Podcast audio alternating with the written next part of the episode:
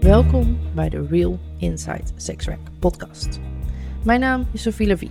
Ik ben een zelfstandig werkend sekswerker en de host van deze podcast.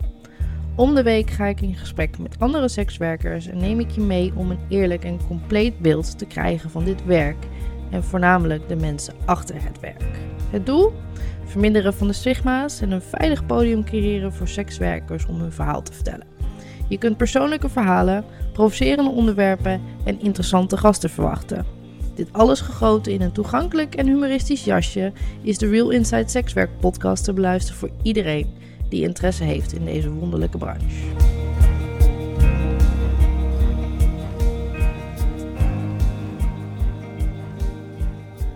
Lekker burn-out. Lekker, lekker Um, beurdenhazen. Iedereen is rollen. nu ook Dit gewoon noemen we de nou- knor. Ja, ja, dat is wel zonde. Die is wel Ehm, leuk.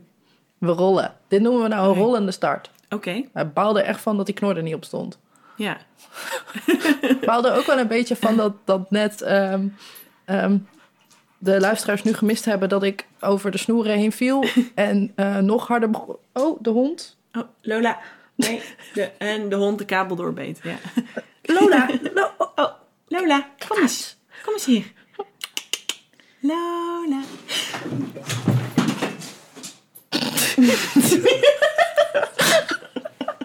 Goed zo, meis. Kom. dat is zo verschrikkelijk. Het staat, het staat allemaal nog, hè? Ja. volgens mij is er niks Nee, gebeurd. schatje. En zelfs mijn, Lola, plaats. Kom, plaats. eh, zelfs mijn kussen doet het nog. Goed zo. Ja, vind je leuk. Goed zo. Ja, hoi, we zijn er weer, we rollen. We rollen weer, hoppatee.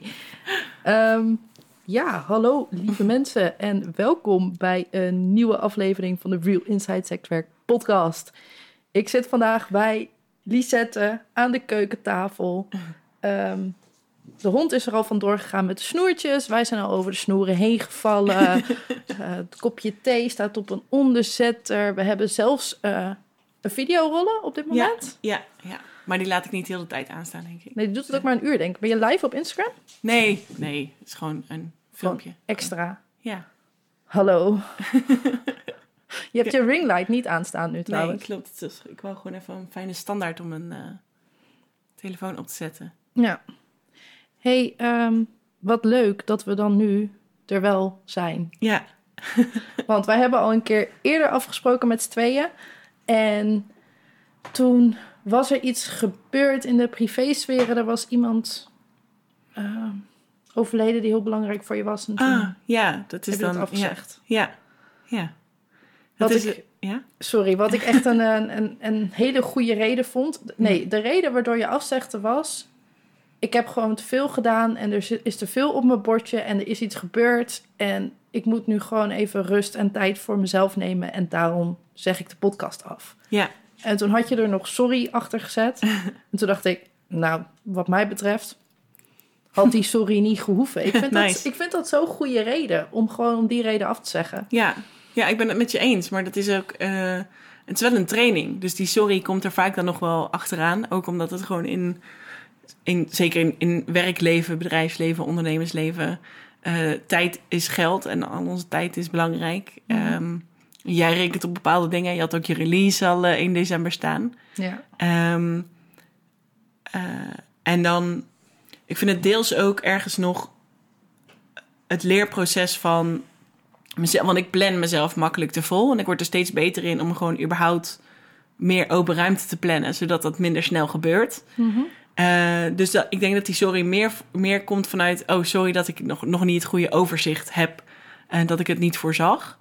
Ehm, maar ik ben het helemaal met je eens. Ik, ik ben helemaal voor goede zelfzorg en dat er altijd ruimte moet kunnen zijn om gewoon te zeggen, Ja. ja, het gaat gewoon nu niet. En ook, ja, misschien.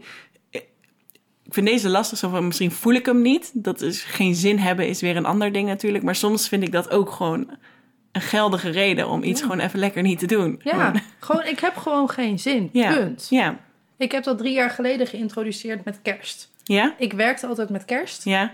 En toen heb ik op een gegeven moment maar gewoon tegen mijn familie gezegd... jongens, reken niet op mij, want ik heb er geen zin in. En als Ja. ik er wel zin in heb, dan haak ik wel aan. Ja, Maar ik vind inderdaad dat ik heb geen zin. Zou gewoon een valide reden moeten zijn om het niet te willen doen. ja, ja, ja, maar het geldt natuurlijk niet. Ik bedoel, nou, ik denk dat verantwoordelijkheid dragen over iets ook wel iets, ehm, iets moois is. En soms moet je dan dus gewoon ook dingen doen waar je geen zin in hebt. Ja. Eh, maar- goed, dat zijn afwegingen en eh, nuances. Zit ja. je lekker trouwens? Ja, Zeker weten? ja, ik leun wel heel erg naar voren. Da- da- daarom ja. vroeg ik het aan Dankjewel. je. Wil je even zitten? Nee. nee, Echt de, start van onze podcast ook. zelfzorg. Zit je goed in je lijf? Beetje goed voor jezelf zorgen. Zit je Heb je een lekker? theetje? Ja, we hebben een kopje thee bij. Eh, maar ik merkte dat toen jij ook afzei... eh, Er was een klant van je overleden, volgens mij Ja. ook. Ja, nou het was... ehm, volgens mij was dit zelfs de, ehm, de, de dag waarop wij de afspraak hadden staan... was, eh, zijn, laat, oh, was zijn laatste dag in eh, het leven hier op deze aarde, in deze vorm. Mhm.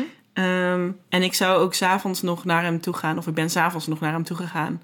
ehm, om echt afscheid te nemen. Ehm,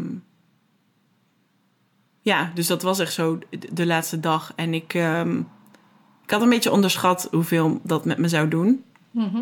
Hoeveel energie dat zou kosten. Want uiteindelijk is zo die laatste weken... Uiteindelijk is zo die laatste weken best emotioneel intensief geweest. Mhm. Ja, Dat kan ik me voorstellen. ja. Ik, ik merkte dat ik toen een beetje ehm, plaatsvervangend emotioneel werd om eh, de band die jij klaarblijkelijk met een klant hebt gehad, dat je daar Mhm. zo ondersteboven van bent. Hm. Eh, dat ik kan me dat natuurlijk, ik kan me dat heel goed voorstellen dat je zo, zo verschrikkelijk intiem met iemand bent, dat, dat iemand zo overlijden je gewoon zo verschrikkelijk raakt. Raakt Ja. je, hè? sorry. Ja, ja, ja, nee, dat is oké. Eh, eh, ik vind dat, ik vind dat, ehm, ik vind dat ook mooi dat het me nog raakt of zo. Dat zegt iets over de waarde van de band, inderdaad. Ja. En eh, dat is iets om te eren. Ja. Dus ik, dat verdriet ehm, eh, vind ik juist iets fijns ook wel. Maar inderdaad, maar hij is ook, ja, wij, wij hebben elkaar zes jaar gekend of zo. Zo. En, en hij is in mijn persoonlijke ontwikkeling ook heel erg belangrijk ge- geweest. Ja. En ik heb bijvoorbeeld een de les die ik echt wel van hem heb mogen leren, is leren ontvangen. Want Mhm. hij genoot er zo ontzettend van als, als hij mij dingen kon geven.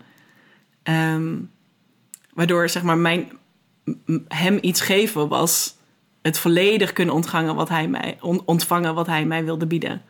Ehm, en Best, de, beste les ook, neem me niet kwalijk. Best wel een les, ja. Ja. Ja, ja. maar dat heeft heel veel gedaan ook in, in mijn ontwikkeling als, eh, als sekswerker in de diensten die ik aanbied en hoe ik ze aanbied. Ja. Omdat ik toen leerde, oh, dat, dat mogen geven is voor de klant dus ook een heel belangrijk aspect. Zo. nou, eh, we hebben onze rollende start officieel opgelost en daar gaan we. Ehm, want, lieve Lisette, Ja, daar ken ik jou het meest onder. ja. Wij kenden elkaar al. Wij zijn elkaar. wij hadden het er net over wanneer wij elkaar hebben leren kennen, maar dat was met een schrijfcursus van het Prot- Prostitutie Informatiecentrum. ja. Ehm, en toen, ik weet nog dat ik daar aan tafel zat en dat ik om me heen keek. En dat ik dacht, goh, dit zijn allemaal sekswerkers. En wat zien ze er allemaal anders uit dan dat ik gedacht had. ja. En Ja. jij was echt zo daar het prototype van. en dat is positief trouwens. Hè? ja. Ehm, want wij... ehm, ehm, ik merk wel dat ik dan gelijk denk, hoezo zie ik er niet uit als een sexy ass vrouw die dik geld kan verdienen met sekswerk dan? Ik was toen zelf nog echt een stuk bleuier. Mm. Omdat ik... eh, eh, daar hadden we het net ook over. Ik kom echt uit dat, dat high class, high class. Ja, Ehm, het, het caviar en de Rolexen en Mm. eh, maatje 36 en perfect uiterlijk. en je mag niet stinken en je gaat ook niet naar de wc, want mooie vrouwen poepen niet. ja, Daar. Daar kom ik vandaan. ja. En voor mij waren er high class escorts en er waren raamwerkers en er was niks tussenin. Ja, In mijn hoofd. Hè. Ik, ja, ja. Moet je je voorstellen hoe open-minded ik ben. En al zo lang in het vak, want ik was Ja. echt jong toen ik hiermee begon. Hm. Dat zelfs ik dan nog zoveel vooroordelen heb. Ja, En toen ik dacht, hé, dat is eigenlijk hele normale mens. Wat fijn. Ze zei allemaal niet. eh, zoals ik, maar jij was daar echt, echt met jou had ik dat ik er over na zat te denken en naar zat te kijken. En, Hmm. Maar wij begonnen die dag ook met een, ehm, eh, een ademhalingsoefening. En Mm. veel van de mensen die daar waren, waren super gecentreerd en heel erg eh, in hun eigen zone, zeg maar. Mhm. Dat, ook dat paste helemaal niet bij mijn beeld. En jij zat daar lekker in je slobberbroekie en je dikke wollen sokken. Gewoon echt heerlijk Lisette te zijn. Ja. Wauw. Ja, Ja, dat, ja, dat klopt. Dat was wel het geval, ja. ja, dat was mijn, mijn allereerste gedachte daarvan. Wat mooi. Ja. Want jij bent escort. Ja, Ja. dat klopt. Het grote nieuws is eruit. Ik ben escort. Ehm, ja, ja, dat klopt.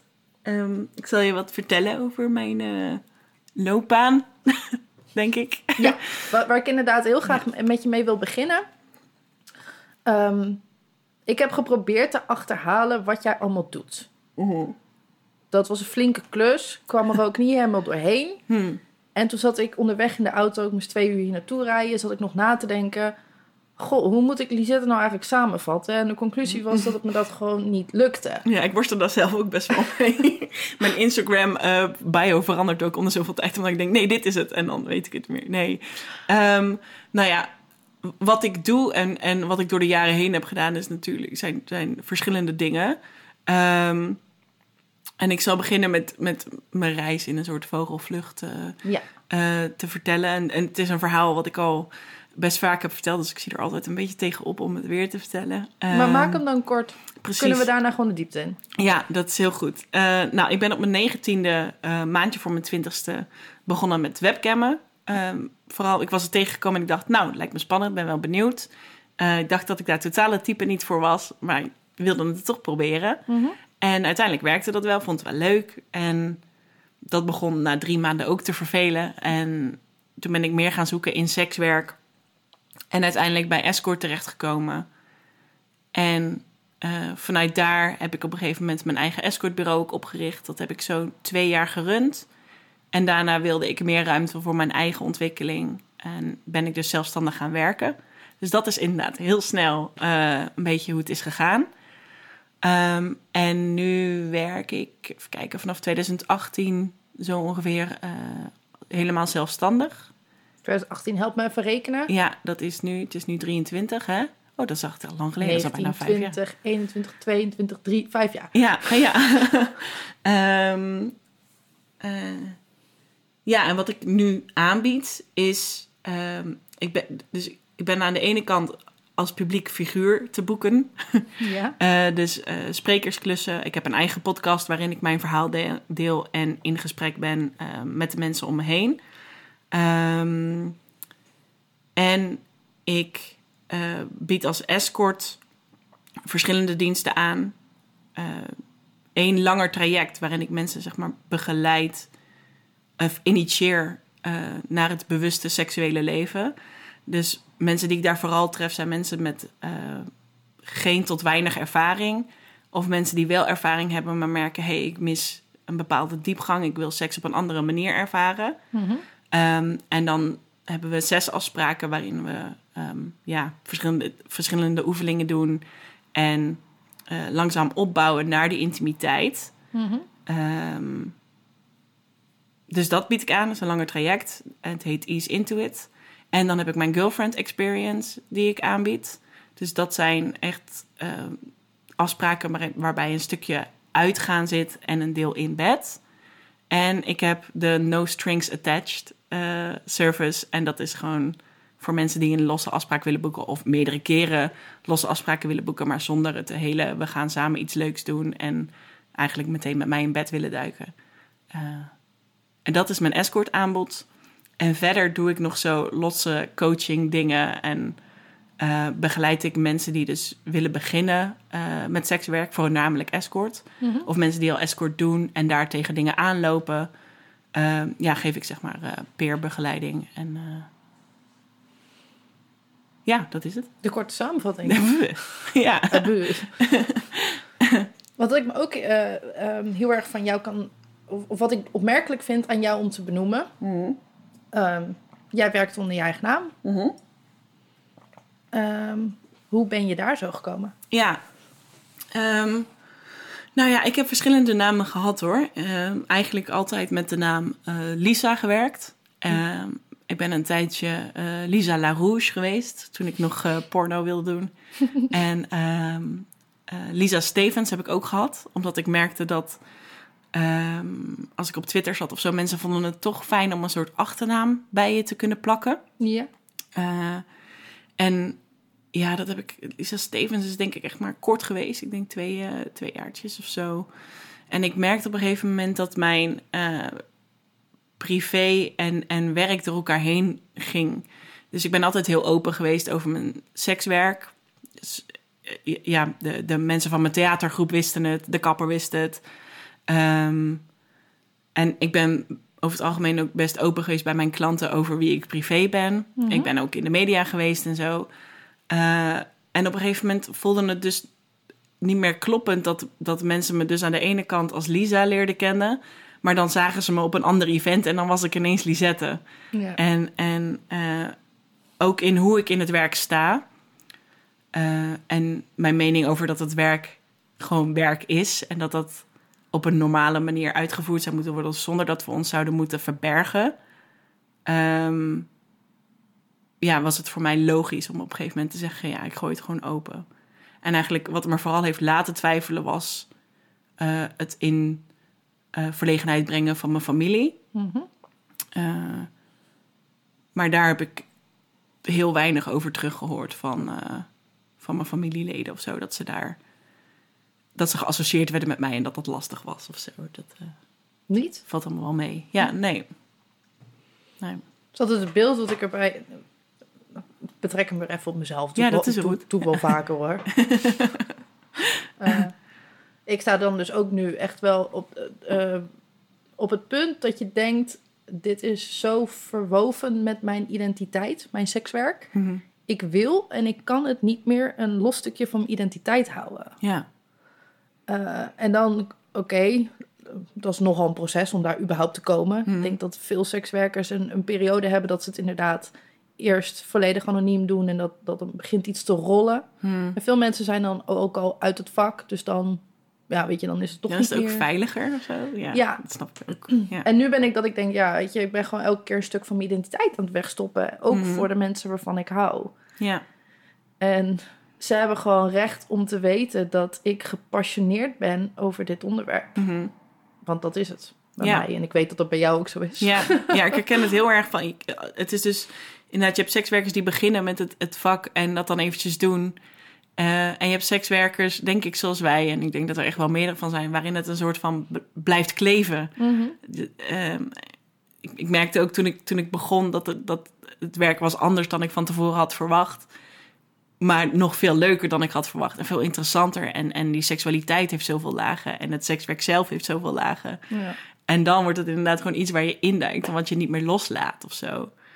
Ehm, ja, en dat is gewoon zonde om niet te delen. Ik heb het als heel bevrijdend ervaren om het op deze manier te doen. En ik vind het heerlijk dat ik gewoon Lisette ben. Het voelt heel... Vol, het voelt voller, steviger. Ja. Je gaat Ja. echt staan. Ja, Ik ben Lisette. ja, Eh, ik ben sekswerker. ja, ja. Eh, punt. Punt. Ja, Ja, dat, Ja. Is, eh, dat is echt heel top. ja. Thanks. Maar niet, dus dat gaat soms wel en soms niet van een leien dakje. Ik denk dat we een aparte cursus kunnen maken over werk onder eigen naam. Ja, ja en het is ook, ik kom ook wel collega's tegen die daar echt mee worstelen. En ik denk dat ik ook, ik denk dat ik ook echt wel geluk heb met mijn familie. ehm, eh, en met mijn omgeving überhaupt. Ik heb ook geen andere baan die ik kwijt zou kunnen raken. Eh, dus misschien is het ook vooral privilege waardoor het bij mij allemaal lekker gaat. En zullen anderen er meer last van hebben. Ehm, ik denk waar veel, waar de meeste sekswerkers mee zullen worstelen, is de kans op stalking. Ja. En ja, ook daar ben ik echt helemaal niet bang voor op dit moment. Maar dat is misschien ook juist heel gevaarlijk om te zeggen. dat ik het een beetje op mezelf afroep. ja. Ehm, nou ben ik toch blij met die houten tafel. Nu kon ik hem wel goed afkloppen. ja, precies. Dat komt toch van pas. Ehm, ja, nou goed. Dat, ik weet even niet wat ik Lang verhaal kort. Ja. Je bent blij dat je het gedaan hebt. ja, zeker. Ja, Ja. heel blij. Eh, en die drie pijlers van jouw sekswerk. Ja, Eros into it. Sorry. nee, het is goed. Ease into it. Is into it. Ja. Waar, waar komt die naam vandaan? Ehm, nou ja, ik ben ehm, eh, al heel snel eh, ontmaagdingen gaan doen, zoals dat genoemd werd. Daar ben ik het niet helemaal eens met die term. Ehm, en ik merkte daarin dat de mensen die ik dus initieerde in, eh, in het seksuele leven, dat ze dan wel misschien de, de daad hadden gedaan, maar qua emotionele intelligentie of eh, verbinding kunnen maken, helemaal niet mee waren. Nou, ik had dat in die tijd nog niet zo door met deze bewoording. Eh, dat is ook door, door doen en de dingen overlezen dat ik denk van, oh ja, zo werkt het. Eh, maar ik was op een gegeven moment ehm, seks aan het lezen van Ellen Laan, waarin de seksuele ontwikkeling, ehm, de gemiddelde seksuele ontwikkeling, eh, wordt blootgegeven. En over het algemeen is het zo in, in de puberteit, gemiddeld genomen, dat we een keertje zoenen. En dat het dan minimaal een half jaar duurt voordat we doorgaan naar friemelen. En vanuit friemelen duurt het nog zoveel tijd voordat we doorgaan. ja, maar dat is, zo loopt het niet bij iedereen. Maar er gaat veel meer tijd overheen dan, dan in één keer even een uurtje met iemand die je nog nooit eerder hebt gezien in het bed duiken en dan weer weg. Lisette reageerde op mijn gezichtsuitdrukking, Oh, ja. waarbij ik heel erg duidelijk zat na te denken, hoe ging dat bij mij? Ja. En dat was niet die manier. Ja. Maar goed, daar reageerde Lisette op. Dan snappen jullie ook even wat gaande is. Ja, ja, precies. En het is ook, mocht je dit horen en denken, ja, zo is het bij mij absoluut niet gegaan. Dat is ook heel logisch. Het gaat ook bij iedereen helemaal niet hetzelfde. Nee. Maar wat ik ermee wil aanwijzen is dat er, er zit veel meer tijd tussen die eerste stap van handjes vasthouden, kusjes geven, knuffelen, naar zoenen. ehm, en dan van zoenen naar vrijen en van vrijen naar penetratieve seks of andere seksuele handelingen. Daar zitten heel veel stappen tussen. En meestal gaan we die, die ehm, exploratiestappen, die eerste seksuele stappen, eh, doen we bij iemand die we al kennen. Dat is een vriendje of een vriendinnetje of een verkering. Ehm, en daar hebben we al een bepaalde vertrouwen mee opgebouwd. Dus ons zenuwstelsel die is aan het ontspannen. Ehm, en wat ik merk is bij die ontmaagdingen... Sowieso een escort boeken is voor heel veel mensen ont- ontzettend spannend. Eh, de meeste mensen die zoiets boeken, die ehm, hebben niet heel veel contact eh, eh, met vrouwen over het algemeen. Of in ieder geval niet in de romantische zin.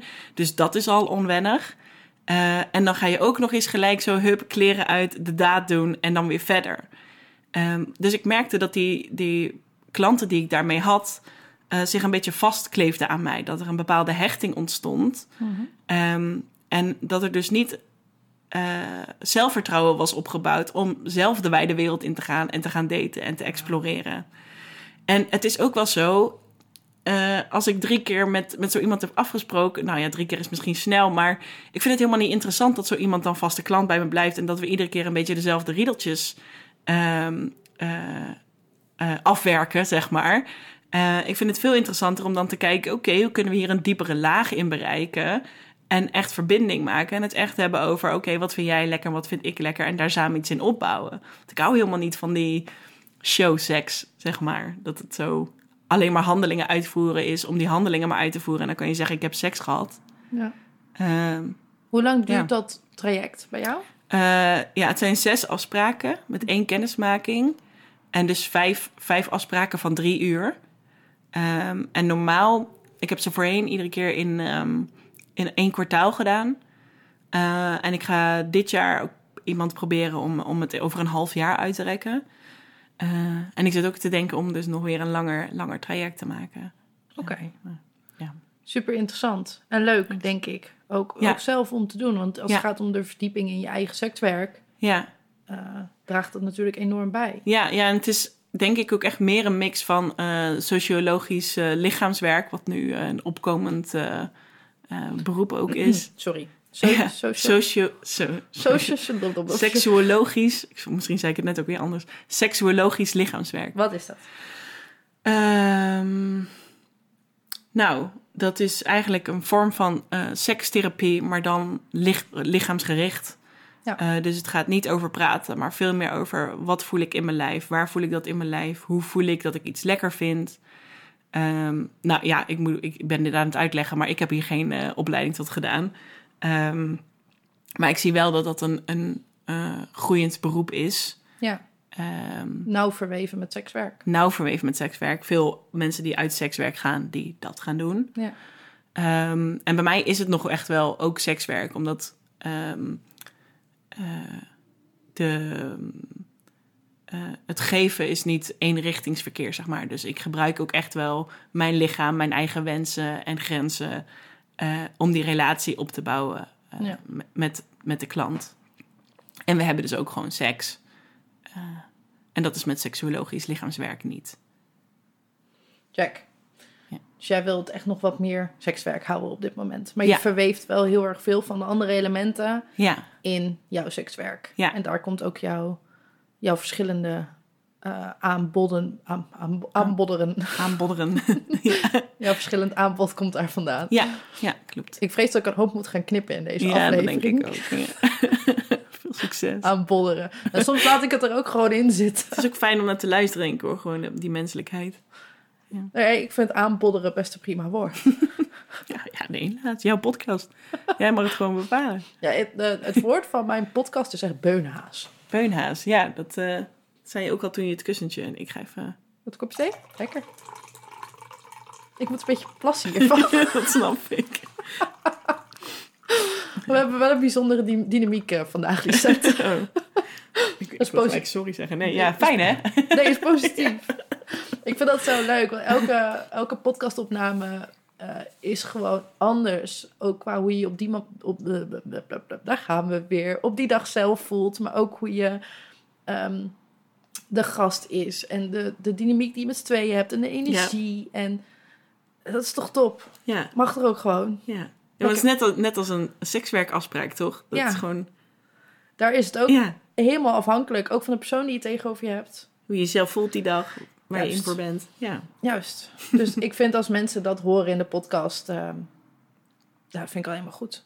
Mooi. En ik ben vandaag heel energiek en eh, beetje onrustig. En er, mijn hoofd staat zo aan dat ik gewoon niet in staat ben tot het blijven bij één onderwerp. Hmm. Ik zat in de auto hier naartoe ook echt knijterharde muziek te luisteren en mee te schreeuwen. Lekker. Dat is mijn vibe vandaag. ja, ik ben iets ingetogener. Ja, Maar dat heb ik altijd als ik dan eh, een nieuw iemand heb. ja. Ik heb tenminste, als ik, ja, dat is gek hè. Met, mijn, met, met escort heb ik dat totaal niet. Als ik een afspraak heb, dan ben ik gewoon, maar dat is een andere rol. Dan ben ik gewoon helemaal in control of zo. Maar als er dan zo'n nieuw iemand in mijn huis is, dan moet ik altijd even wennen aan de andere energie. Ja. ja, en ik neem op dit moment echt wel energie mee. Ja, Dat klopt. Ik denk dat ik er maar helemaal vul op dit moment. kom maar hoor. Maar ik vond het zo leuk, want toen ik binnenkwam, het eerste wat je tegen me zei, zo ongeveer was: Wil je sloffen aan? Oh, oh, ja, laat ik sloffen aan doen. Dat is eigenlijk wel een goed idee. Ja, En daardoor werd ik wel rustiger. wat fijn. Ik kan dat soms ook wel een klein beetje gebruiken hoor. Ja. Ja.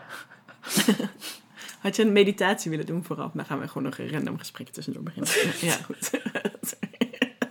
dat denk ik ineens. We kunnen ook nog over het mediteren. zuurdezenbrood gaan praten. Oh ja, dat was hard. Die is... Kom op, klaar nou. Oké. Focus. Eh Easy Intuit. Ja, daar waren we. Ja. Maar wat voor soort klanten boeken dat? Ja. Ehm, nou, tot nu toe dus mensen met weinig, eh, weinig tot geen ervaring. Ehm, ik heb ja, jongere mannen ehm, daarin gehad, maar ook al oudere mannen die, die daar niet toe tot zijn gekomen. Ik had eh, tweede kwartaal van vorig jaar had ik ook een eh, autistische vrouw die ik begeleide. Eh, die, die wist al heel lang dat ze lesbisch was, maar die is dus eh, door haar autisme nooit in dat sociale terechtgekomen. Ehm, of eh, zo, in dat sociale terechtgekomen. Die is door haar autisme eh, ehm, nooit sociaal zo ontwikkeld dat het haar lukte om te gaan daten met andere vrouwen en om dat dus te gaan ervaren. En zij wilde dus dat met mij ervaren. Ehm, en zo heb ik denk ik ja, de- dit kwartaal ook weer een vrouw die, eh, die er met mij wil onderzoeken. Leuk. Dus, eh, is anders, denk ik, met vrouwen. ja, zeker anders. Ja, en ik, eh, ik vind dat heel leuk. Ik heb haar bijvoorbeeld ook echt wegwijs mogen maken in de vulva. Ehm, bij het moment mogen zijn dat zij voor het eerst haar eigen vulva bekeek. Wat ik Oh. echt magisch vond. En dat ik mijn vulva liet zien. En dat was voor haar ook echt wow. En ja, dat is gewoon heerlijk om bij te zijn. Maar, ehm, en, maar ik ervaar dat sowieso ook, ook met privé daten. Dat ehm, eh, de, de spanning is anders of zo met vrouwen. Het is meer zusterlijk. En dan kan het alsnog erotisch zijn. Ja. Eh, maar het is veel minder ehm, op jezelf moeten bewijzen of zo, voor mij. Of, Ja, ik denk Ja. dat ik die wel herken. ja. Nee, die herken ik helemaal niet. Ik Oh. heb hem in mijn privéseks echt Ja. compleet andersom. Ah, Ik denk dat ik meer op vrouwen val dan op mannen. ja. Dat is een recente ontdekking van mezelf. Nou, leuk. Ja. Welcome to the dark side. We have cookies. Nee. Ehm, maar als ik nu seks heb met een vrouw, omdat ik minder ervaring heb met vrouwen, Mm. voel ik echt zo sterk de bewijsdrang om te laten zien dat ik dat kan. Mm. Mhm. Mm.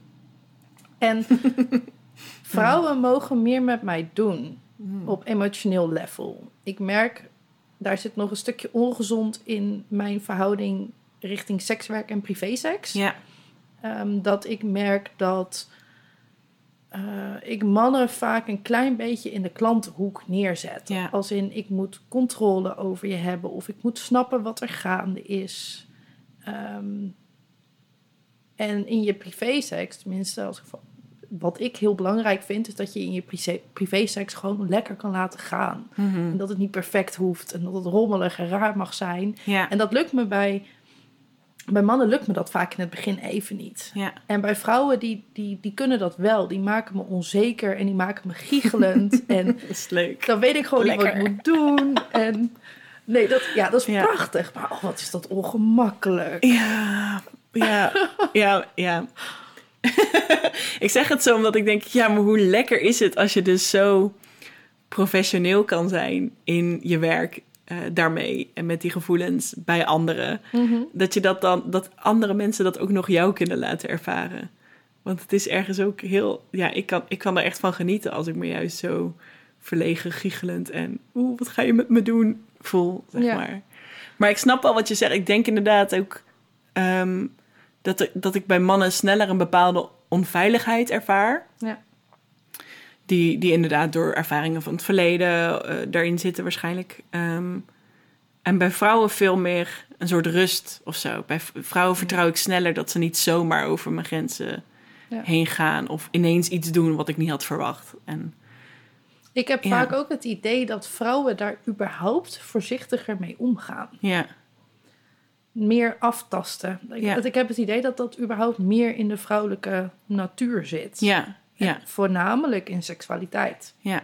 ja, en dat is natuurlijk inderdaad gemiddeld genomen. Dat zal Ja, zo, dus het- maar ja. Tenminste, met, van de vrouwen, maar ik heb ook een bepaald type vrouw waar ik op val. Hmm. Dus misschien dat ik daar eh, her en der wel een, eh een referentiekadertje heb. Ja, Ehm, sowieso alles wat ik zeg moet je natuurlijk met korreltjes zout nemen. het is allemaal een perspectief. hey joh, wanneer lul ik nou eens een keer wat zinnigs? Maar Nou, nee, maar de, de vrouwen waar ik op val, die hebben dat aftastende en die willen veroverd worden. En mm, eh, die mogen me dan dus inderdaad ook uitdagen. Dus daar moet ik inderdaad een beetje op jagen. mm, Dat, dat is wat eh, de gemiddelde vrouw met mij doet. Ja, leuk. ja het is echt superleuk. Ja, Er is best wel een heel groot verschil. Wat ik me afvroeg, Ja. in voornamelijk dat traject wat jij doet, daar ga je natuurlijk een verschrikkelijk intieme relatie met iemand aan. ja. Eh, in hoeverre is een verliefd gevoel of een romantisch gevoel daarin toegestaan? volledig. Ja? Ja, volledig. Eh, en het is, het is natuurlijk wel met inachtneming van mijn grenzen. Mhm. Eh, maar zowel voor mij als voor de ander vind ik dat echt eh, ontzettend welkom. Ik geniet zelf heel erg van mijn verliefdheden. Heden, heiden.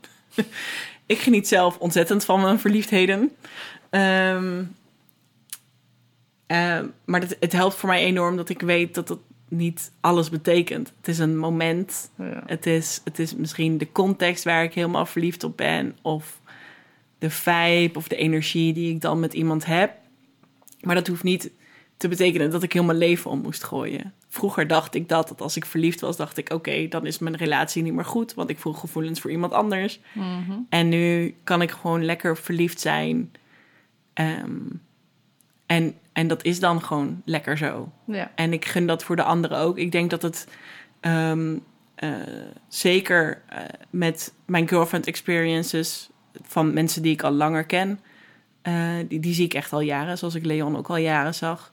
Eh, en bij die Ease Into It, eh, dat het eigenlijk bijna onvermijdelijk is dat er bepaalde hechting ontstaat.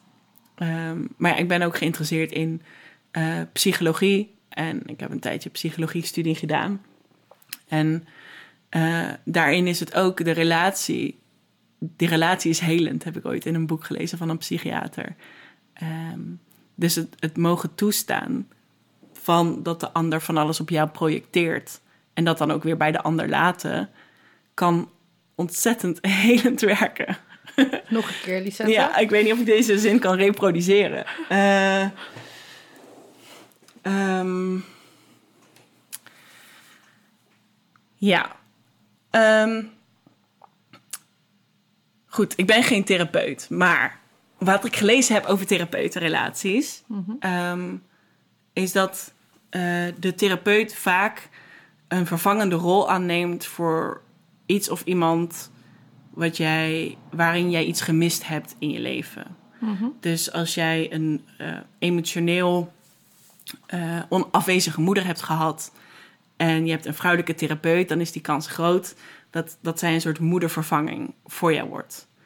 En om die gevoelens in die, in die kaders, in die veilige context te kunnen laten ontstaan, eh, kan je ze eigenlijk voltooien, waardoor je daarna weer verder kan. Check. Ik denk dat ik dat een beetje bedoel. Eh, dus eh, die relatie. En in die relatie is dus die veiligheid om jezelf op een bepaalde manier volledig te kunnen tonen. Zonder dat dat verdere gevolgen heeft voor je leven. Eh, en of je afgewezen wordt of niet in die relatie. Ja. Ehm, ja, dat, dat is dus het, ja, het, het helende aspect. Met andere woorden, die binding Ja. die ontstaat in dat intieme traject wat jij aangaat met je klanten, Mhm. is een essentieel onderdeel van wat jij doet. Ja, zeker. Ja, dankjewel. Ja, ik dacht, ik sla hem even, ik sla plat, joh. Heel fijn. Nee, Ja, hoe jij hem de eerste keer zei was echt heel mooi, maar hij was even, wow, even over de Ja, dat is ook wel dicht. veel. Even Ja. over nadenken. ik snap we, het. we moeten hem even plat slaan. Ja, en dat is ook voor mij materie van, weet je wel, verzamelde boeken die ik heb gelezen en dingen die ik heb geluisterd en mijn eigen brein die daar dan over aan het filosoferen is geweest. Eh, dus ik kan me voorstellen dat dat, ja, ik heb daar jaren over gedaan om zo'n zin, zin te kunnen vormen. Ja, ik, ik volgde je volledig. Hmm. Eh, maar ik kan me voorstellen dat op het moment dat je niet eh, al ergens bent Mhm. in dat je hierover na wil denken, dat je echt denkt, waar, waar praat die chick over? Ja, ja, ja, al de vage shit. Ja, dat snap ik ook wel. Ja. Ja. Ik, ik heb dus wel dat ik, ehm, dat ik nu eh, moeite heb richting mijn oprechte intimiteit richting mijn klanten. Hmm. Dat is ook een nieuwe fase. Hmm. Ik heb heel erg lang een iets wat gespeelde eh, connectie heb Mhm. ik aangegaan. Vooral toen ik inderdaad opereerde in dat echte high-class, eh high-class, high-class caviar wereldje. Ja, Ehm, daar, daar, daar zit een soort afstand die je altijd tot mensen moet hebben. En ik ben nu zelf steeds meer bezig met mijn eigen proces en intimiteit en kunnen verbinden. eh, Mhm. en nu merk ik dat ik steeds beter kan verbinden, maar dat ik dat dus moeilijk vind. Dus, dus ik kom weer in de nieuwe fase dat Ja. ik het nu kan. Maar nu denk ik, hmm, ingewikkeld, want nu kunnen mensen me raken. Hmm. Ja. ja. En, en daar reageren eh, klanten ook weer op. Want als je echt die intimiteit in wil, ja, dan wordt er van jou ook niet meer getolereerd dat er een geveinsde connectie is. En dan kun je Ja, iemand klopt. ook niet meer meenemen. Ja, ik vind dat ook zelf nog steeds een uitdaging. Eh, zeker, ik ben bijvoorbeeld veel bezig met het Wheel of Consent. Dus ik denk heel erg vanuit eh, het Wheel of Consent. Nou, dat is een heel concept. Moet je maar een keer opzoeken. Eh, ja, goed, dat kan, ik, dat kan ik nu ook allemaal niet zo uitleggen. Maar ehm, wel bezig met, wil ik dit oprecht geven? Ben ik nu aan het, aan het tolereren? Omdat Mhm. ik het idee heb dat dat moet, omdat het mijn werk is of whatever.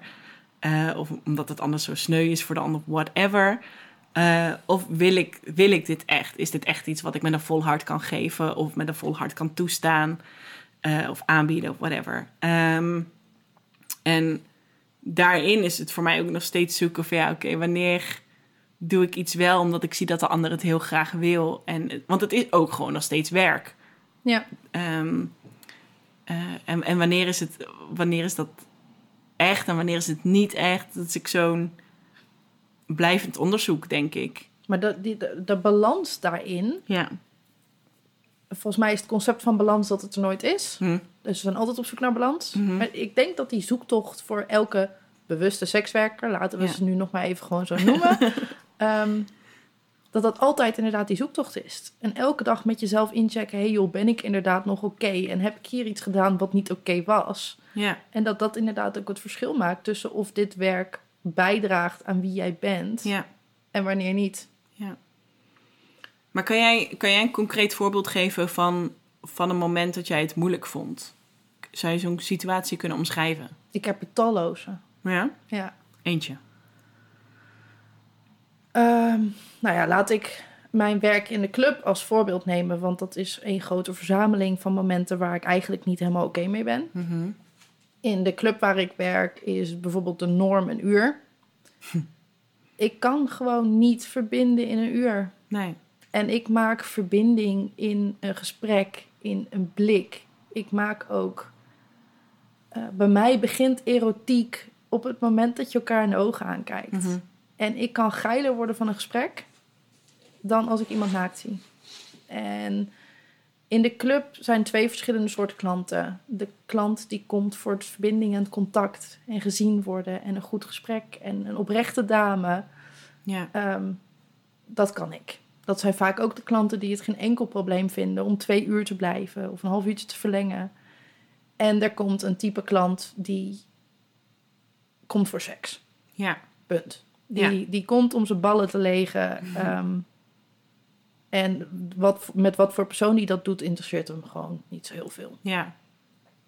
En juist omdat in de club alle twee dat soort types zijn, merk ik dat het schakelen me niet meer lukt. En omdat ik zelf, ik wil gewoon verbinden. Punt. En, en met schakelen niet meer lukt, bedoel je die ene klant die alleen maar voor, om zijn ballen te legen komt, Ja, daar kan je het eigenlijk niet meer mee. Dat voelt niet meer goed. nee. Ja. En het lastige is dus dat er twee verschillende soorten klanten daar komen. Mhm. En je moet daar onderscheid in maken in de Ja. selectie wie wel en wie niet. Ja. Eh, en dat is in de club qua werkwijze wel zo bewust Mhm. dat het niet meer helemaal past in het concept van de club. Ja. Ehm, waardoor ik in het verleden het idee heb gehad dat het feit dat ik zo graag wil verbinden en zo graag oprecht wil staan in mijn sekswerk, dat dat iets slechts was. Hmm. Weet je, zet gewoon de knop om. Pak gewoon dat uurtje, want je hebt het geld nodig. Ja. Ja, Ja. dat is zo verschrikkelijk ongezond. Mhm. Dan, dan zit je boven met een klant die eh, van jou verwacht dat je eh, nou ja, binnen 20 minuten zijn ballen geleegd hebt, noem maar wat. Ja. Ondanks Ja. dat daar de norm een uur is. Ja, en dat is, dat is op zich geen punt als jij daar dus voor kan kiezen. Als jij dus voor jezelf zegt: Ja, Oké, voor dit bedrag Doe ben ik bereid dit te doen. Dit zijn de voorwaarden. ja. Maar via een club is dat dus niet echt zo. Ik denk dat de, de meeste dames die daar werken, die kunnen dat. Ja. Die, die gaan volledig eh, met consent richting hunzelf dat uurtje in. En die kunnen ook vaak een stukje emotionele, eh, emotionele binding in zichzelf kunnen ze uitzetten. Hm. Ehm, en dan is het inderdaad maar een seksuele dienst. Ja. Dat, dat hoeft niks te betekenen, zeg Nee. maar. Dat, en, dan is dat oké. Maar ik kan het niet. Nee. En mag jij onderscheid maken van, van de club waar je daar werkt? Voor een gedeelte ja. Mhm.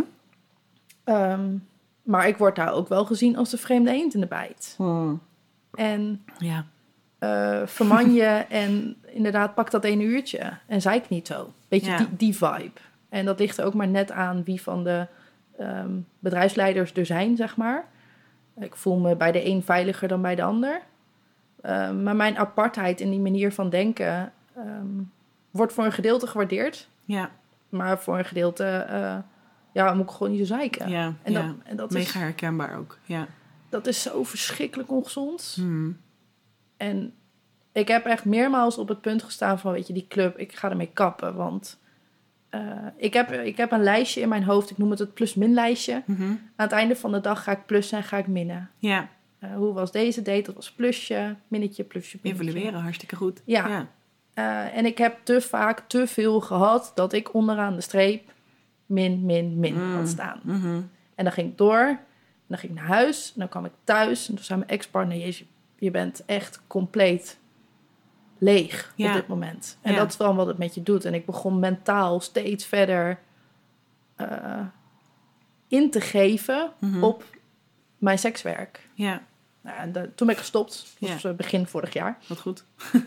Ja, toen heb ik met mijn luie reet eh, anderhalve maand op pizza gezeten en eh, Hmm. me herpakt. En terwijl ik op Ibiza zat, begon ik mijn werk in de club weer te missen. Ja, Dus er zit toch iets ja. wat me iets geeft. Ik herken het zo erg als in, eh, in, in de tijd dat ik het bureau heb gehad, eh, heb ik echt momenten gehad dat ik dacht, oh mijn werk, dat is geen echt werk. Want sekswerk is geen werk natuurlijk. Dat- is hoe ik ben grootgebracht in mijn hoerenleventje.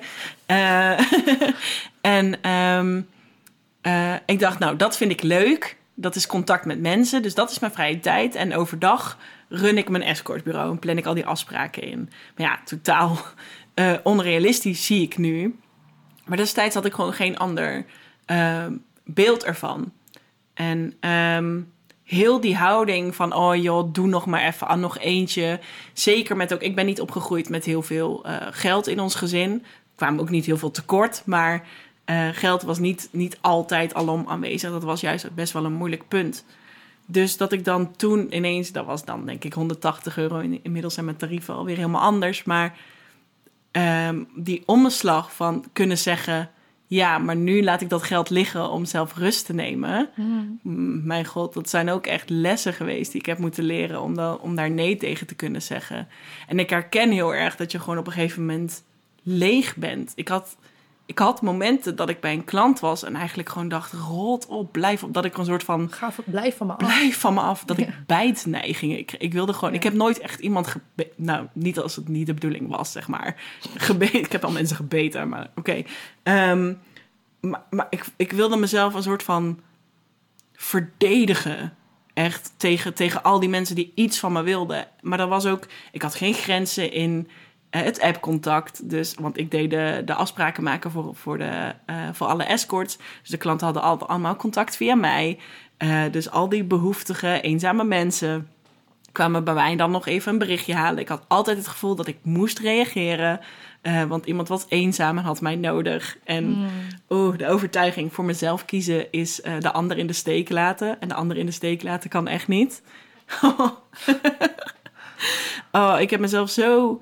Dat is echt... En, en maar blijven geven, geven, geven, geven, geven. En dan ben je zo Totdat klaar is. moe. Maar het is dus ook in de omgeving werd dat niet serieus genomen. Dat kon niet. Kon je nou moe zijn van sekswerk? Kom op. Het is een beetje in bed liggen. Je krijgt zoveel geld en eh, daar is het. Dus ja, ik heb echt mogen leren dat daar nog een hele andere dimensie eh, bij komt dan alleen maar die fysieke handeling. Dat Ja. er energetisch vanaf energetisch, ja, in je energie in ieder geval van alles gebeurt. Dat er mentaal van alles gebeurt als je in verbinding bent met mensen.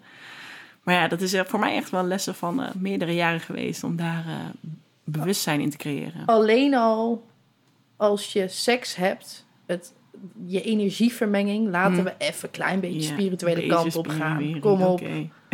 Af en toe sta ik het mezelf toe. Alleen al de vermenging van energieën en wat je oppikt van een ander. Hmm. En ik denk dat jij en ik alle twee het soort persoon zijn die willen geven. Ik Ja. dat wij alle twee wagenwijd openstaan. Mhm. En als je inderdaad niet leert om dat in te kaderen, eh, dan vervliegt je energie. Gaat het gewoon. Dan Ja. gaat het gewoon weg. Ja. Hoef je ni- niet eens bewust een keuze in te maken. Dat, dat is gewoon al Nee, maar het lijkt ook dat mensen het een soort van merken, weet je wel, dat ze bij jou terecht kunnen of zo. Het is echt niet alleen in mijn werk dat ik die mensen aantrek, namelijk. Ehm, ja, en dat is gewoon, het is goed om te leren, om dat te voelen van, hé, hey, waar zit ik en wat eh, gaat het nog allemaal oké? Eh, Maar überhaupt, eh, altijd als mensen aan me vragen, wat moet ik kunnen om sekswerk te kunnen doen, dan ro- roep ik drie dingen. hm? Eén, zorg dat je mentaal sterk bent. Hm. Ook als je eraan begint. Ja. Eh, en je hoeft niet perfect te zijn. Of eh, je mag ook echt wel dingen hebben die nog niet goed zijn. Ik kan honderd dingen aan mezelf noemen waarvan ik denk, oh, misschien moet je daar nog wel mee. Ja. Ehm, maar wees je ervan bewust. Want sekswerk gaat je uitdagen. Mhm. Je gaat zoveel dingen tegenkomen die iets met je gaan doen. Mhm. En heb de bewustheid om daar inderdaad eerlijk naar te kijken. Ja, maar wat bedoel je precies met mentaal sterk zijn? Eh, ik bedoel, een mentale sterkheid. ehm, eh, je, eh, ik, ik vind, maar dit is echt een mening hoor, Mhm. ehm, dat je eigenlijk alleen sekswerk mag gaan doen op het moment dat je geen afhankelijkheid van je sekswerk creëert. Mhm. Financieel op, natuurlijk, eh, maar niet dat je zelf bijvoorbeeld je hel zoekt in seks. Mhm. Of in de aandacht die je krijgt van Mhm. andere mensen. Mhm. Of het feit dat je betaald wordt voor seks. Laten we wel wezen, dit zijn, dat zijn ego-strelers. Ja. En die komen heel vaak uit een stukje ongezond in jezelf. Ja. En niet dat ik zeg dat het slecht is. Want als ik eerlijk naar mezelf kijk, toen ik begon, was dat ook zo. En het is ook heel erg positief. Het is ook heel erg normaal. We doen het allemaal en overal. Mhm. Alleen sekswerk legt daar zoveel meer druk op. Ja. Het krijgt een veel prominentere rol in je leven. Ja. Dus heb dan inderdaad, creëer dat lijstje in je hoofd. Dat je aan het einde van de dag bij jezelf kan checken. Ben ik oké? Is mijn sekswerk nog oké? Is mijn leven oké? Eh, en draagt sekswerk ook bij aan wie ik ben als persoon en waar ik in de toekomst ook naartoe wil. Mhm. Dat. Dat, ja. Dus, dus één is mentaal sterk zijn. En, en wat ik daarvan begrijp van jou is eigenlijk geen mentale afhankelijkheid hebben van het werk. Ja. Niet een soort verslaving hebben eigenlijk aan de dingen die je vanuit het werk Ja, kan. en als je, als je het wel hebt, wees je er gewoon van bewust. Ja, ja. Oké. En wat is dat dan al. twee? Want je zei, ik, ik noem drie dingen. Mentaal sterk zijn is er één. Eh, zet ik je nou voor blok? ja, Oh, een beetje... Ja, ik heb dit verhaal nog niet helemaal op orde. Oké. Nee, want ik merk dat ik daar een gevoelig onderwerp eh, raak. Mhm. Eh, omdat ik niet... Ik wil niet de nadruk erop leggen dat je een soort van eh, verlicht moet zijn... of, I don't know, om Mhm. sekswerk te kunnen doen. Mhm. Ik wil daarmee zeggen dat... eigenlijk het enige wat je nodig hebt in mijn ogen... is de bewustzijn Mhm. van jezelf... en van de slechte componenten die eventueel ook aan sekswerk kunnen zitten. Oké, ja. Dus mentaal sterk is, is dus die zelfkennis. Zelfkennis Ja, en bewustheid. bewustheid. Ja. Dat vind ik echt de, de, de basis in een, in een persoon voordat ze eigenlijk zouden beginnen met sekswerk. Mhm. En wat ik heel vaak zie, is dat dat alles behalve zo is. Ja, Dat de mensen die beginnen met sekswerk eh, mentaal vaak ergens, of emotioneel vaak iets hebben wat niet helemaal lekker loopt in Mhm. hun leven. Mhm. eh, en sekswerk een soort van gebruiken om een bepaalde periode van hun leven door te komen. ja. En ik ben er ook schuldig aan. Ja, ja, ik ook. Voor mij, ik, ik besefte dat dus, eh, even kijken. Drie jaar geleden had ik ineens een inzicht in dat, ehm, dat mijn sekswerk eigenlijk volledig bestond. Ik, waarschijnlijk als je dit luistert is het mega helder, maar volledig bestond uit mijn people pleaser. Ja. En dat het dat, dat al het moois wat ik in de wereld heb gebracht, alleen maar inderdaad een soort bang kind was die zichzelf wilde veiligstellen. En, ehm, en bang was dat mensen haar anders niet aardig zouden vinden als ik niet alleen maar voor anderen zorgde heel de tijd. ja. En die realisatie was ook echt van, fuck, weet je, want daardoor ga je heel de tijd over je grenzen heen en bescherm je jezelf niet. Ja, toen heb ik echt even een andere eh, kijk. Op, nu denk ik, zeg maar, het is oké, weet je wel, we, we leven allemaal met bepaalde patronen en triggers en ik heb er ook iets moois van kunnen maken. En nu Ja. kan ik daar op een bewuste manier dat inzetten. En ik hoop ook, ik denk namelijk dat veel mensen in de zorg en dus ook in sekswerk, eh, met die zorgende kant, zoals ik er dus ook in sta, eh, die, die people-pleasing neiging in zich hebben. Ja. Ehm, en wie weet kan ik mensen in de toekomst, eh, andere sekswerkers helpen om dus wel die grenzen van tevoren al te bewaken voordat er al eh, überhaupt. Nou, misschien iemand die je er ook gewoon überhaupt op wijst dat het wellicht een onderdeel is van. ja, ja, Want zeker. dat gevende zit inderdaad in heel veel sekswerkers. En, en, en ga inderdaad eens onderzoeken wat je achtergro- achterliggende motieven kunnen zijn om dat te willen doen. Ja, Ehm, maar vaak wordt dat onderwerp ook helemaal niet belicht in sekswerk, want je doet alleen maar je benen wijd, toch? ja. Ja, ik denk dat echt, dat is echt zo'n eh disqualificatie van wat we doen. Ja. Zelfs al heb je dus alleen maar die klanten die dus voor hun ballen leeggekomen, Ja. dan is het werk nog steeds een kunstvorm. Het is echt, echt alleen je benen wijd doen, dat, dat zit er gewoon niet in. Sekswerk is kunst. Zeker, sekswerk is kunst. Leg uit. Zeker. Ehm, nou, sowieso is het dus samen improviseren. Ik doe veel theater, vind ik heel erg leuk. Mhm. En ehm, heel veel van wat er in de in improvisatietheater gebeurt en wat je daar leert, is eigenlijk ook belangrijk voor een goede vrijpartij samen met iemand neer te kunnen zetten. Dus wat je bij amateur eh, spelers ziet die voor het eerst zo improvisatietheater willen gaan doen, is dat ze van tevoren al willen bedenken wat ze in de scène gaan doen. Wat gaan ze zeggen, eh, hoe ze gaan reageren, hoe maken we dit een leuk verhaaltje, want het moet vooral leuk en spannend en grappig zijn. Leggen er heel veel druk op. Dat gebeurt in seks eigenlijk net zo goed. Ehm, eh, we hebben van tevoren al vaak een idee hoe we seks moeten beleven, wat we moeten voelen, hoe de ander zich moet gedragen, hoe jij je moet gedragen, wat er gezegd moet worden. Nou, dat hebben we allemaal bedacht. Maar de beste scènes in het theater, de beste improvisatiescènes die er bestaan, eh, die er ontstaan, die ontstaan wanneer beide spelers vertrouwen in dat ze het gewoon hebben. En dat het wel ontstaat in het moment. En dat ze in het moment wel kunnen oplossen ehm, eh, en inspelen op wat er daar dan is. Ja. Eh, dus niks van tevoren bedenken, gewoon hup, het podium op. De een beweegt, dat, in, dat initieert een reactie bij de ander en zo ontstaat het. En dat is dus ook in seks. En ik denk als goede sekswerker eh, dat je daar dus ook op vertrouwt. En dat je die ander dus in de ontspanning meeneemt eh, om dat in het moment te laten ontstaan. En dus ook de, de pure seks, die, die, de kunstvorm wat ik daarmee bedoel. eh, het is ontzettend knap, denk ik, dat als je iemand laat afrekenen voor een bepaalde dienst, dat je die dan vijf minuten later volledig kan laten vergeten dat hij heeft afgerekend voor een dienst. En dat hij helemaal in een eh, beleving kan ontsnappen. En ehm geil, zeg maar, iemand geil krijgen en ontspannen krijgen, dat is echt niet zo makkelijk als dat lijkt. Maar dat is wel nodig om zeg maar dat orgasme, wat dan toch voor de meeste klanten die inderdaad hun ballen willen legen, die willen dat orgasme bereiken.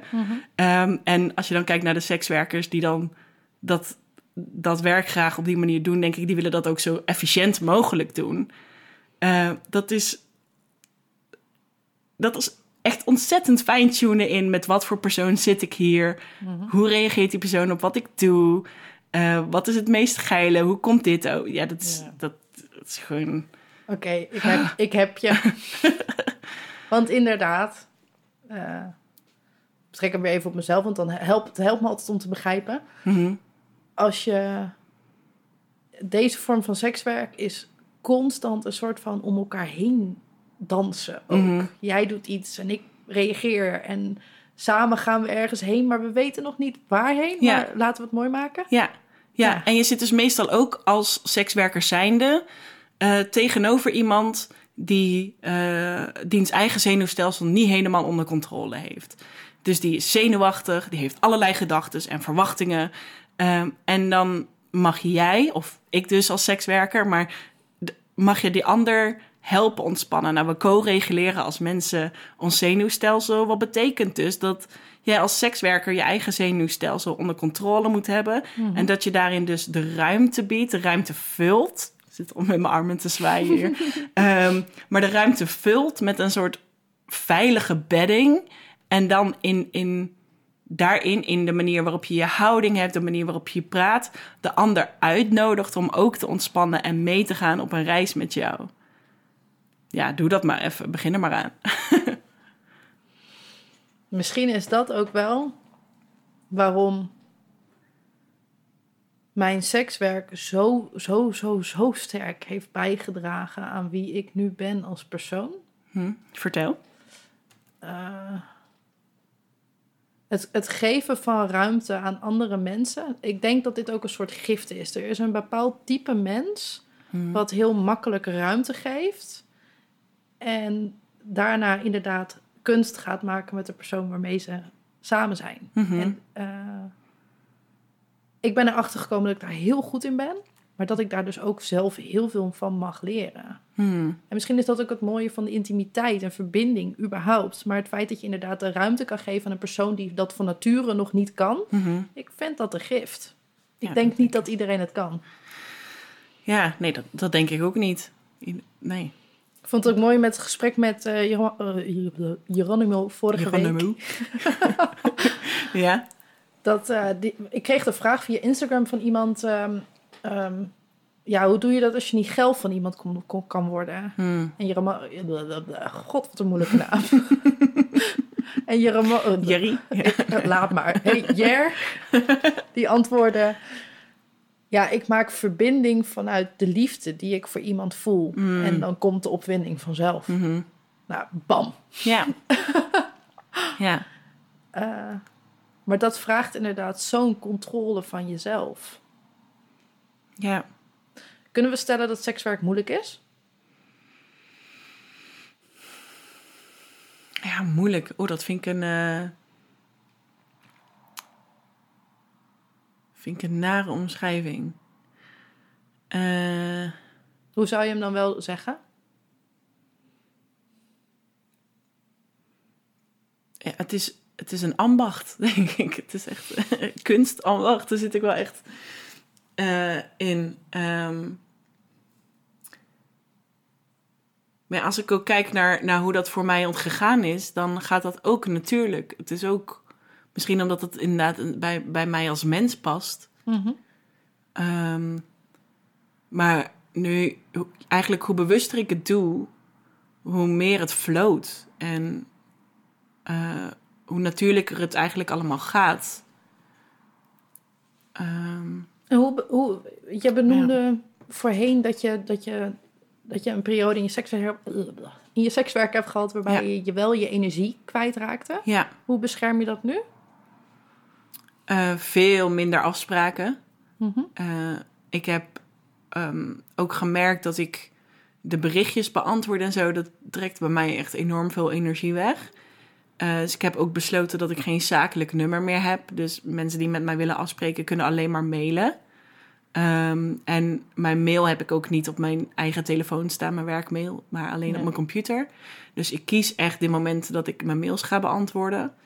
Ehm, dus dat helpt heel erg. Maar sowieso het echt minder afspreken. Ik ben echt gaan kijken naar, oké, ehm, wat voor afspraken vind ik het allerleukst? Waar krijg ik energie van? Wat trekt mijn energie? Nou, de, wat ik toen al wist, daar stopte ik meteen mee. En, en vanuit daar is het gewoon iedere keer weer evalueren. Ehm, en, en dat ben ik gewoon steeds gaan fine-tunen. Van hoe kan ik gewoon nog, nog meer alleen maar die dingen doen waar ik energie van krijg. En waar ik blij van word. Ehm, ja, dus dat en ook bijvoorbeeld met afspraken inplannen. Ik vind die planning maken niet leuk. Eh, past niet bij mijn hoofd plannen. Hoeveel afspraken heb jij in een week? Ehm, ik ga nu de komende periode waarschijnlijk naar twee afspraken in de week. Ehm, en misschien soms eens drie. Oké. Ja. Maar dat met, met, met plannen was voorheen... Ik bedoel, to- toen ik begon met werken was het eh eh, last minute afspraken. Dus je, je, je gaf, ik gaf aan het bureau door welke avond ik beschikbaar was. Was ook alleen maar avonden. Dat doe ik nu ook niet meer. want Ik wil lekker op tijd naar bed kunnen. Ehm, maar al- alleen maar avonden. En eh, dan ben je gewoon beschikbaar. En mensen bellen in het moment wanneer ze zin hebben in, in een seksafspraak. En dan ga je daarheen. Nou, dat, die... Oh. Ja, nou ergens, weet je, het had een bepaalde lekkere spanning. Eh, maar ik ben blij dat ik die, die spanning ook nu niet meer heb. Eh, want ik ben gewoon gaan beginnen met inderdaad van tevoren afspreken. Geen last minute boekingen meer. Nou, dat gaat heel veel rust. En tegenwoordig plan ik dus al in voor het kwartaal. Dus ik ga, ik ben nu mijn planning aan het maken voor dit kwartaal. Dus januari, februari, maart. Luxe problemen, Lisette. Ja, ja, ja. Of je voldoende klanditie hebt. Nee, ja, nee, dat niet. Maar of ik, of ik het dus wel allemaal in kan plannen, dat is echt wel mijn probleem. Ja, Ja, dat ja is... eh, inderdaad, een groot luxe probleem. ja. En het geeft ook gewoon echt wel aan hoeveel dat er gewoon echt wel behoefte is voor mensen eh, om, om dieper te kunnen verbinden of om te oefenen met het verbinden.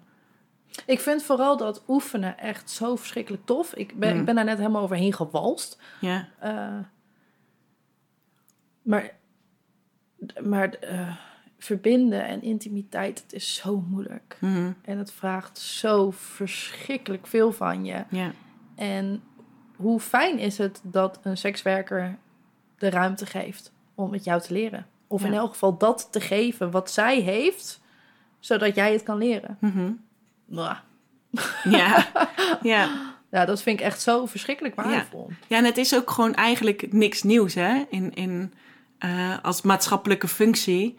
Ehm, eh, on- ons seksuele zelf en die exploratie daarin is belangrijk voor onze identiteit en voor onze persoonlijke ontwikkeling. En ik kan nog niet heel goed uitleggen precies waarom.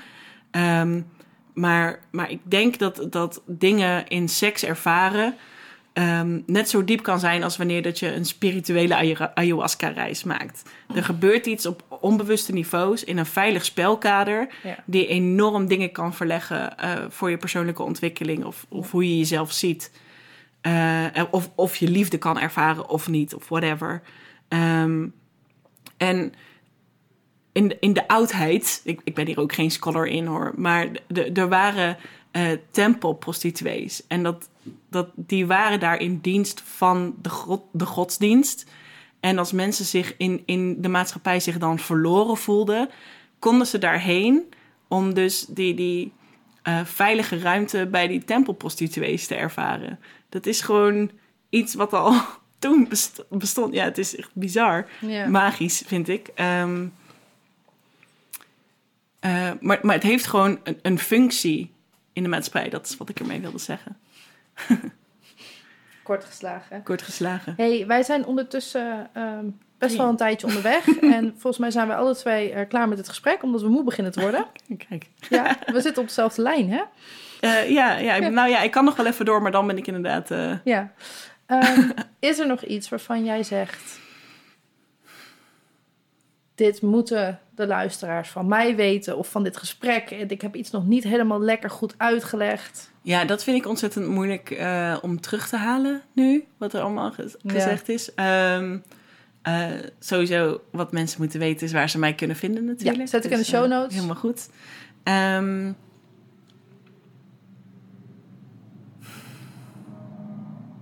Had ik al gezegd dat ik je echt een verschrikkelijk tof mens vind? Oh, dankjewel. Nee, dat vind ik echt vanaf dat moment dat ik je heb leren kennen. Oh, Ik vind jou echt zo verschrikkelijk heerlijk blok met liefheid en integerheid. En ja, dit is echt zo lief. ook Ah. echt een heel oprecht compliment. Ja, wat lief, dankjewel. Eh nou ja, dan zou ik dus haast willen zeggen... wat mensen van me moeten weten... is dat ik soms een on- on- onzeker brokje, een brokje mens ben... die dan denkt of, of zich afvraagt of ik wel goed genoeg ben... en dat dit soort opmerkingen ontzettend helpen. Dankjewel. Ja, ik zag ook een emotie ontstaan. Je zit ook. Ik doe ook iets goed. Jongens, ik ga stoppen Ja. Wat ontzettend lief. Doei, Dankjewel. Ja. Doei. Dankjewel dat je weer luisterde naar een aflevering van de Real Inside Sexwork podcast. Elke dinsdag om de twee weken is er een, eh, een nieuwe aflevering. De ene keer ga ik in gesprek met een andere sekswerker of een instantie. Ehm, en soms ga ik in gesprek met mezelf over een bepaald onderwerp. Denk je nou, hey joh, ik eh, wil de Real Inside Sexwork podcast eh, goed in de gaten houden. Ga ons dan op Instagram volgen. Dat is de Real Inside Sexwork podcast zonder spaties, geen gekkigheden. En ga ook even bij je favoriete podcastplatform uh, ons volgen en zet de meldingen aan. Dan krijg je automatisch een melding op het moment dat er een nieuwe aflevering is. Uh, tot de volgende keer.